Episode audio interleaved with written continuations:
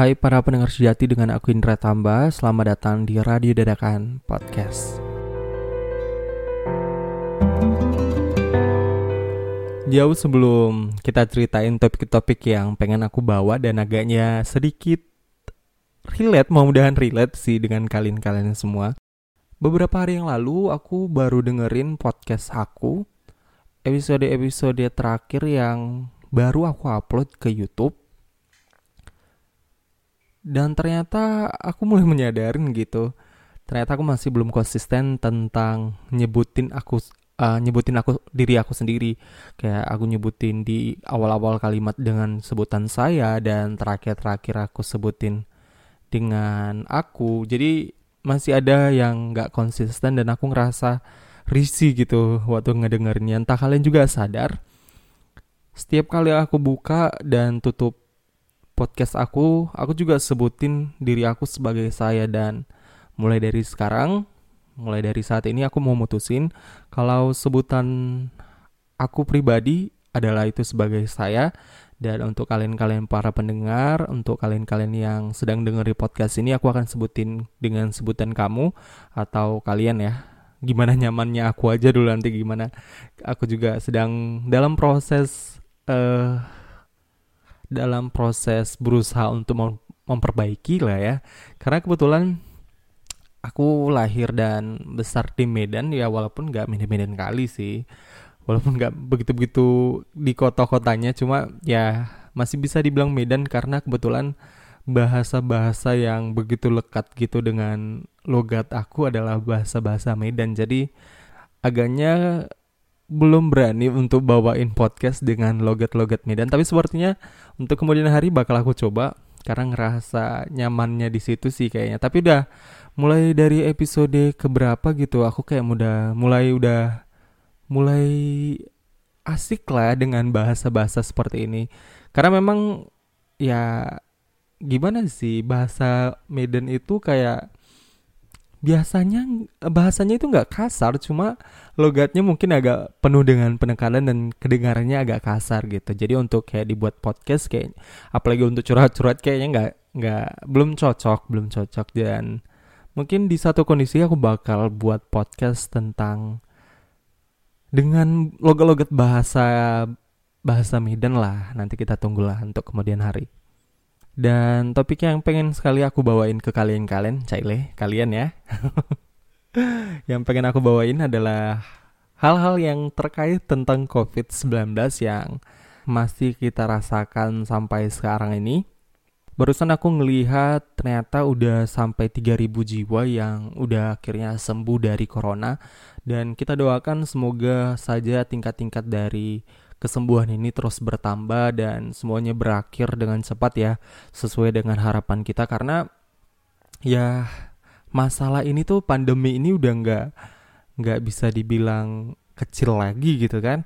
Karena udah banyak sekali dampak-dampak yang akhirnya kita rasain dan buat kita makin ngerasa terpuruk gitu. Kita yang nggak bisa ngapa-ngapain kita yang akhirnya putus kerja dan akhirnya nggak bisa berbuat apa-apa karena nggak boleh keluar. Dan agaknya topik ini mungkin sedikit sedikit banyak menyinggung kehidupan-kehidupan kita sama-sama. Dan aku pengen bawain karena terinspirasi dengan satu postingan yang kemarin aku baca di salah satu grup youtuber pemula. Entah kenapa rasanya itu sangat menyentil sekali gitu. Menyentil karena dia ngeceritain kalau dia milih akhirnya mutusin kerja dan sekarang pengangguran hanya untuk demi menjadi menjadi seorang youtuber. Dan aku mulai mikir-mikir gitu kenapa sampai akhirnya dia milih keputusan itu dan nggak mikir untuk di kemudian hari bagaimana gitu. Dan agaknya topik ini mungkin uh, punya kesalahan-kesalahan kata ya. Pastilah itu pasti ada kesalahan-kesalahan yang akan aku capin. Aku sebelumnya minta maaf seperti biasa, minta maaf dan mari sama-sama kita meluruskan semua kata-kata yang mungkin salah aku ucapkan dan di sini aku berniat untuk menceritakan sesuai dengan pengalaman-pengalaman dan pendapat-pendapat lah ya.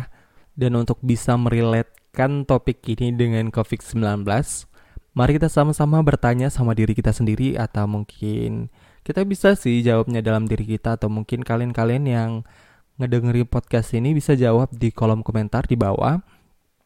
Gimana sih rasanya bekerja di tengah pandemi COVID-19 yang rasanya sudah sangat lama dan kita harapin semuanya bisa terjalani, semuanya bisa terselesaikan dengan baik ya. Sekarang kita mulai sadar memiliki tabungan adalah hal yang ternyata penting gitu penting apalagi untuk melanjuti kehidupan seperti di tengah pandemi COVID-19 ini.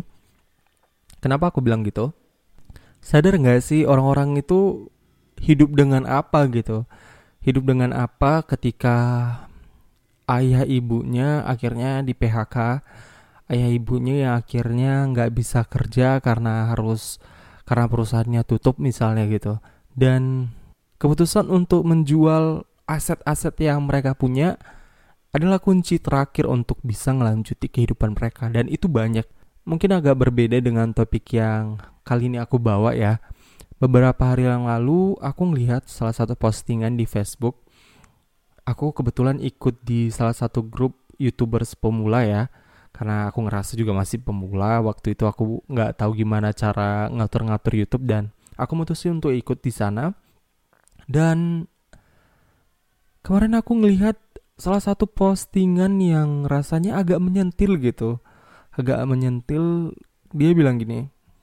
Dia ngerasa kecewa dengan yang udah dia lakuin sekarang ini karena sebelumnya dia udah mutusin kerja, dia mengundurkan diri dari pekerjaan dia hanya karena untuk memutuskan menjadi seorang YouTuber. Di situlah entah kenapa rasanya aku pengen sekali gitu mengumpat di kolom komentar postingan yang dia post itu ya. Maksudnya kalau memang pengen gitu, pengen mari berkarya dan mulailah mengatur diri untuk rajin ngupload atau mungkin ya memang nggak mudah sih untuk bisa dapetin uang dari YouTube. Cuma menurut aku sih kalau memang harusnya dia udah mengundurkan diri, dia harus serius sampai di titik itu gitu. Dia harus serius karena ada banyak pengorbanan yang udah dia korbanin Akhirnya dia jadi pengangguran sekarang, sementara YouTube-nya juga nggak baik-baik aja. Postingan dia juga nggak begitu menarik untuk ditonton. Maksudnya pemikiran dia, alasan dia yang paling kuat yang akhirnya buat dia untuk munduri diri dari pekerjaan dia sekarang itu apa gitu. Ini YouTube nggak pakai lamar-lamaran gitu. Dia harus dapat sampai 1000 subscriber, 4000 jam tayang dan untuk kita-kita yang cuma ngeharapin kawan-kawan kita, keluarga-keluarga kita yang milih nonton dan subscribe kita kayaknya itu nggak masih nggak cukup dibanding pengorbanan yang udah kita kasih gitu. Makanya kayak awal mula aku buat YouTube juga sebenarnya udah udah punya perspektif yang salah gitu karena awalnya memang punya pengen punya YouTube, pengen punya penghasilan gitu. Dan orang-orang juga banyak gitu yang akhirnya seperti si kawan ini yang akhirnya mutusin kerja karena ngelihat ternyata penghasilan YouTube itu lebih sementara dia masih belum punya modal gitu. Dia masih belum punya bakal ngapain di YouTube bakal buat konten yang seperti apa. Yang itu mungkin gak ada di pikiran dia. Dia mikirin cuma indahnya penghasilan dari YouTube itu gitu. Memang ya kadang untuk ngelihat rumput-rumput tetangga itu jauh lebih segar. Kadang ngelihat bentar aja udah jauh lebih cantik, jauh lebih hijau. Tapi kita nggak ngelihat diri kita gitu. Yang kita lihat, yang kita lihat itu cuma sesimpel itu kan. Kita nggak ngelihat susah-susahnya dia itu gimana gitu. Jadi yang akhirnya mutusin kerja untuk milih pekerjaan sebagai youtuber itu kayak menurutku masih belum pantas. Kecuali gini, kecuali misalnya kayak kalian benar-benar udah niatin niatin dari awal kalian juga punya modal untuk buatin konten-konten kalian di YouTube, menurut aku nggak salah. Misalnya kayak aku juga punya salah satu seorang teman, dia bekerja, kerjaan dia juga nggak bisa dibilang nggak mantap. Ya gaji dia juga nggak dia nggak kekurangan gaji lah gitu, nggak kurang gaji. Dan akhirnya dia milih untuk buat YouTube ke, sebagai kerja sampingan dia, kerjaan sampingan dia dan ya akhirnya udah dimonetisasi dia udah bisa nikmatin hasilnya dan kemarin aku sempat nanya gitu dan aku sempat nanya dia rencana buat YouTube ini sebagai kerjaan utama dia dan jauh sebelum itu dia udah pengen ngerencanain gitu di di 10 tahun yang akan datang channel YouTube aku udah sebesar ini dan aku bakal ngunduri diri. Kalau masih gitu sih menurutku wajar ya. Kalau masih gitu masih ya masih bisa lah untuk ngorbanin pekerjaan yang yang akhirnya membawa dia sebagai youtuber ini. Jadi kemarin itu kalau dia cerita ya, dia akhirnya milih kerja di salah satu pekerjaan lah misalnya di salah satu pekerjaan sebagai modal untuk buat dia nge-YouTube. Jadi dia buat konten-konten YouTube uh, apa ya aku lupa review review review handphone. Dia buat review handphone dan menurutku itu bener-bener mantap sih karena memang bener-bener niat gitu. Dan ya untuk untuk akhirnya dia milih bakal resign sih menurutku wajar aja gitu apalagi dia udah punya channel yang cukup besar terkadang kita mikir gitu kalau ternyata YouTube bisa jadi hal yang sangat menjanjikan di kemudian hari dan inilah yang mungkin dipikiri teman aku tadi. Dia membangun channelnya ini uh, secara bertahap dan akhirnya mungkin bisa nebak gitu di 10 tahun channelnya akan seperti apa. Karena kebetulan konten-konten yang dibawakan dia juga mungkin nantinya akan terus berkembang gitu. Dan harusnya teman-teman yang akhirnya milih jadi pengangguran untuk memulai YouTube menurutku masih kurang pantas sih. Kecuali kecuali kayak teman aku tadi dia udah punya modal yang cukup dia juga punya konten yang mantap untuk ditampilkan di YouTube menurutku sih nggak masalah. Ada banyak hal yang akhirnya tertinggal gitu.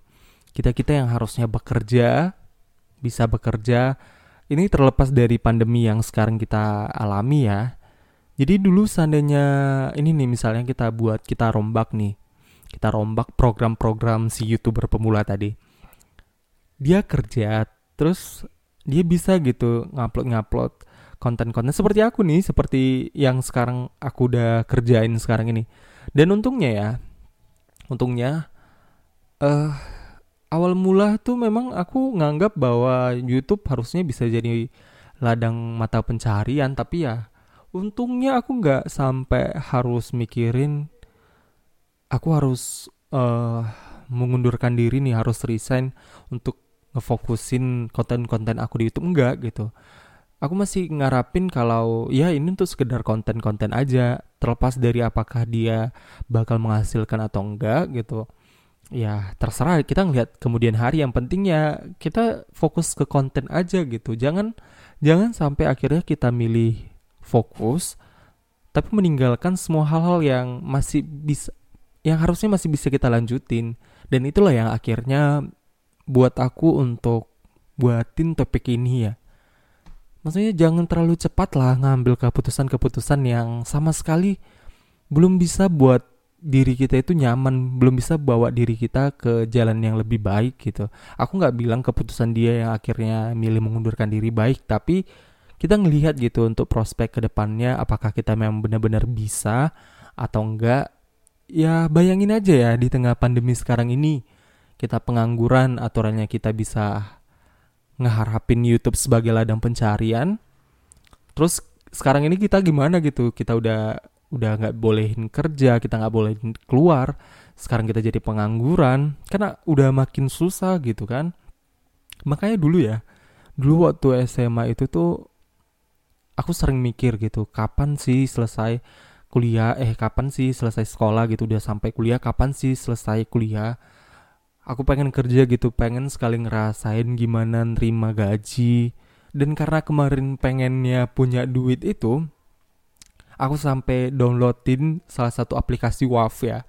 WAF kalau kalian tahu itu aplikasi yang kayak kita kita setiap kita download aplikasi dari dalam itu. Jadi dia kayak aplikasi berita, aplikasi pendownload aplikasi kayak Play Store. Jadi situ satu WAV dan setiap kita download game, kita mainin gamenya, kita itu dapat uang gitu sekitar 0,01 dolar. Lumayan lah kemarin itu untuk kelas-kelas anak SMA ya.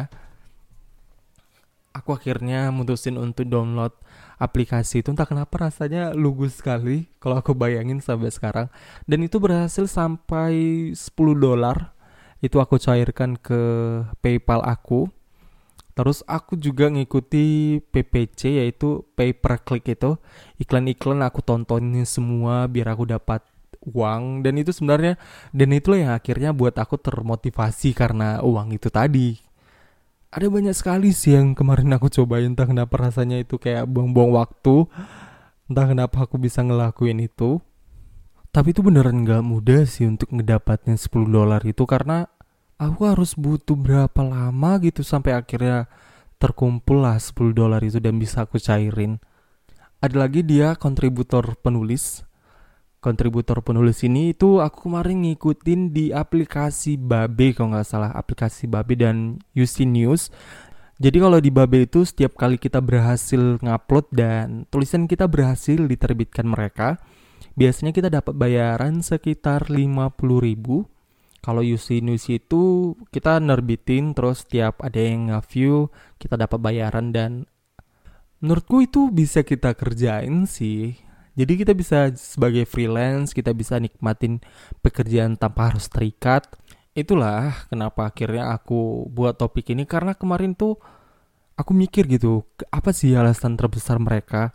Aku juga nggak bilang sih, aku nggak bilang apakah mereka nanti suatu saat YouTube-nya akan akan tidak terkenal atau mungkin akan terkenal ya aku doain sih aku doain semoga dia juga dapat hal yang baik yang sudah dia putuskan. Semoga saja kehidupan dia juga jauh lebih baik setelah mengundurkan diri.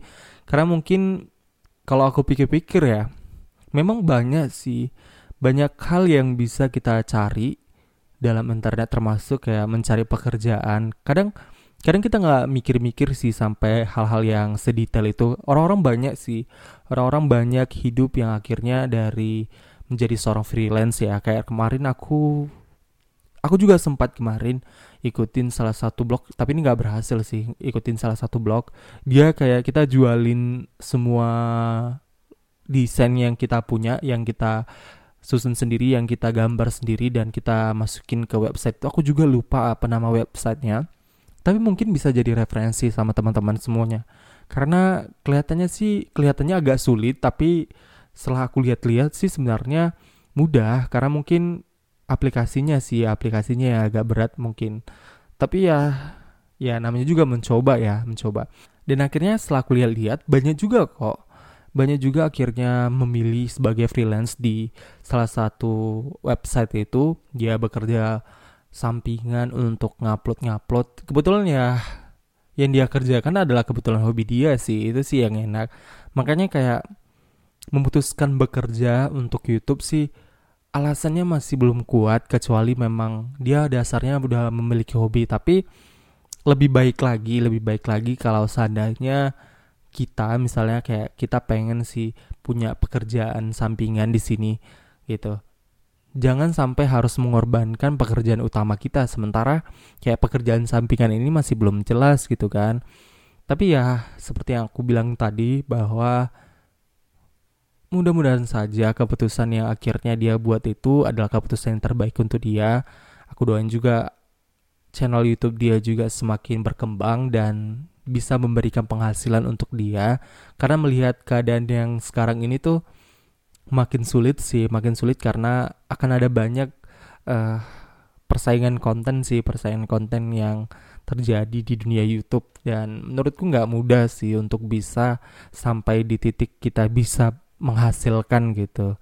Dan ya ya nggak ada salahnya sih mencoba, tapi salah juga sih untuk uh, kita dalam hal masih mencoba tapi udah ngorbanin banyak hal. Apalagi terkait tentang pekerjaan utama kita tadi kayak menurutku masih belum belum cocok sih. Makanya kayak teman-teman yang sekarang juga sih yang di tengah pandemi sekarang ini yang sedang dilema ya karena akhirnya cuma di, diam di rumah aja nggak bisa ngapa-ngapain. Ada banyak pilihan sih. Kalau teman-teman cari di internet ada banyak pilihan tentang pekerjaan-pekerjaan yang mungkin bisa teman-teman kerjakan yang mungkin bisa teman-teman selesaikan dan menghasilkan, teman-teman bisa lihat uh, kontributor-kontributor penulis. Aku bakal kasih websitenya di link. Teman-teman bisa coba itu semuanya. Dan menurut aku ya namanya juga bekerja ya nggak ada yang mudah. Dan selagi memang bisa menghasilkan nggak ada salahnya untuk dicoba. Dan apalagi posisinya misalnya kayak kita sekarang kebetulan sedang nggak bekerja atau mungkin kita dirumahkan atau mungkin kita di PHK ya karena ngelihat pandemi sekarang ini tuh harusnya kita punya kemauan ya untuk kerjain apa-apa aja dari rumah.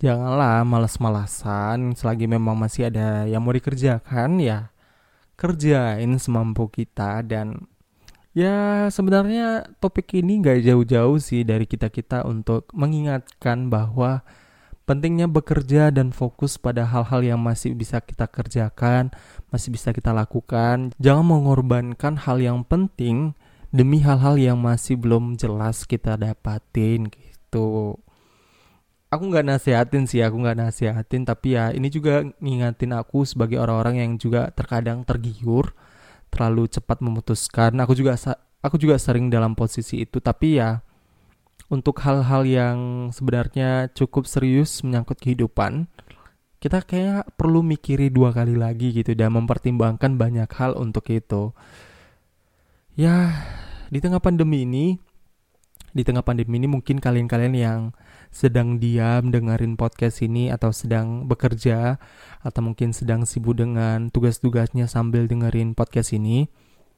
Jika kalian benar-benar ingin dapat pekerjaan ya, terkhusus buat teman-teman yang akhirnya diputuskan untuk di rumah aja dan gak bisa ngelakuin apa-apa, yang akhirnya diputuskan kerja karena perusahaannya bangkrut atau mungkin perusahaannya tertutup sementara karena tidak ada bahan ya banyak sekali pekerjaan yang yang bisa kita kerjain sih kalau kita mencarinya di internet. Karena melihat zaman sekarang itu tuh harusnya internet bisa jadi pilihan.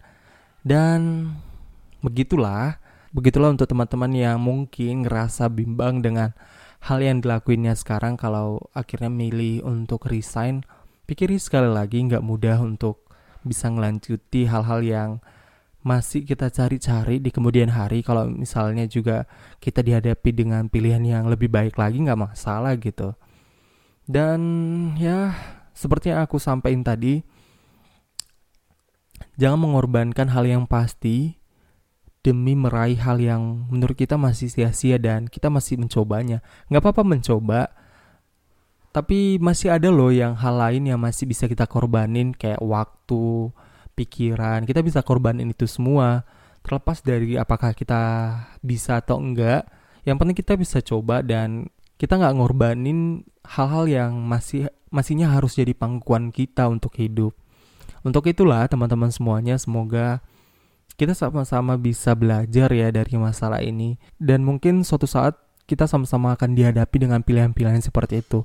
Mari sama-sama mikirin bahwa ada hal-hal yang harus kita prioritaskan, ada hal yang harus kita bandingkan sebelum akhirnya kita memilih mana yang akhirnya kita pilih untuk kehidupan kita. Kayak milih doi lah, perlu selektif, perlu banyak hal pertimbangan yang benar-benar harus kita pertimbangkan sebelum akhirnya memilih dan membawanya dalam jenjang keseriusan ya. Oke, mungkin ini aja sampai sini dulu podcast kali ini. Terima kasih buat teman-teman semuanya ya. Mari sama-sama sekali lagi kita pikirin dan semoga saja kita bisa mempertimbangkan segalanya dengan baik dan semoga saja yang kita pilih dapat mendatangkan yang baik pula kepada kita. Sekian dulu, terima kasih semuanya yang sudah sampai di detik ini. Terima kasih semuanya yang masih setia ngedengerin sampai di detik ini. Aku Indra Tambah, ini Radio Dadakan Podcast.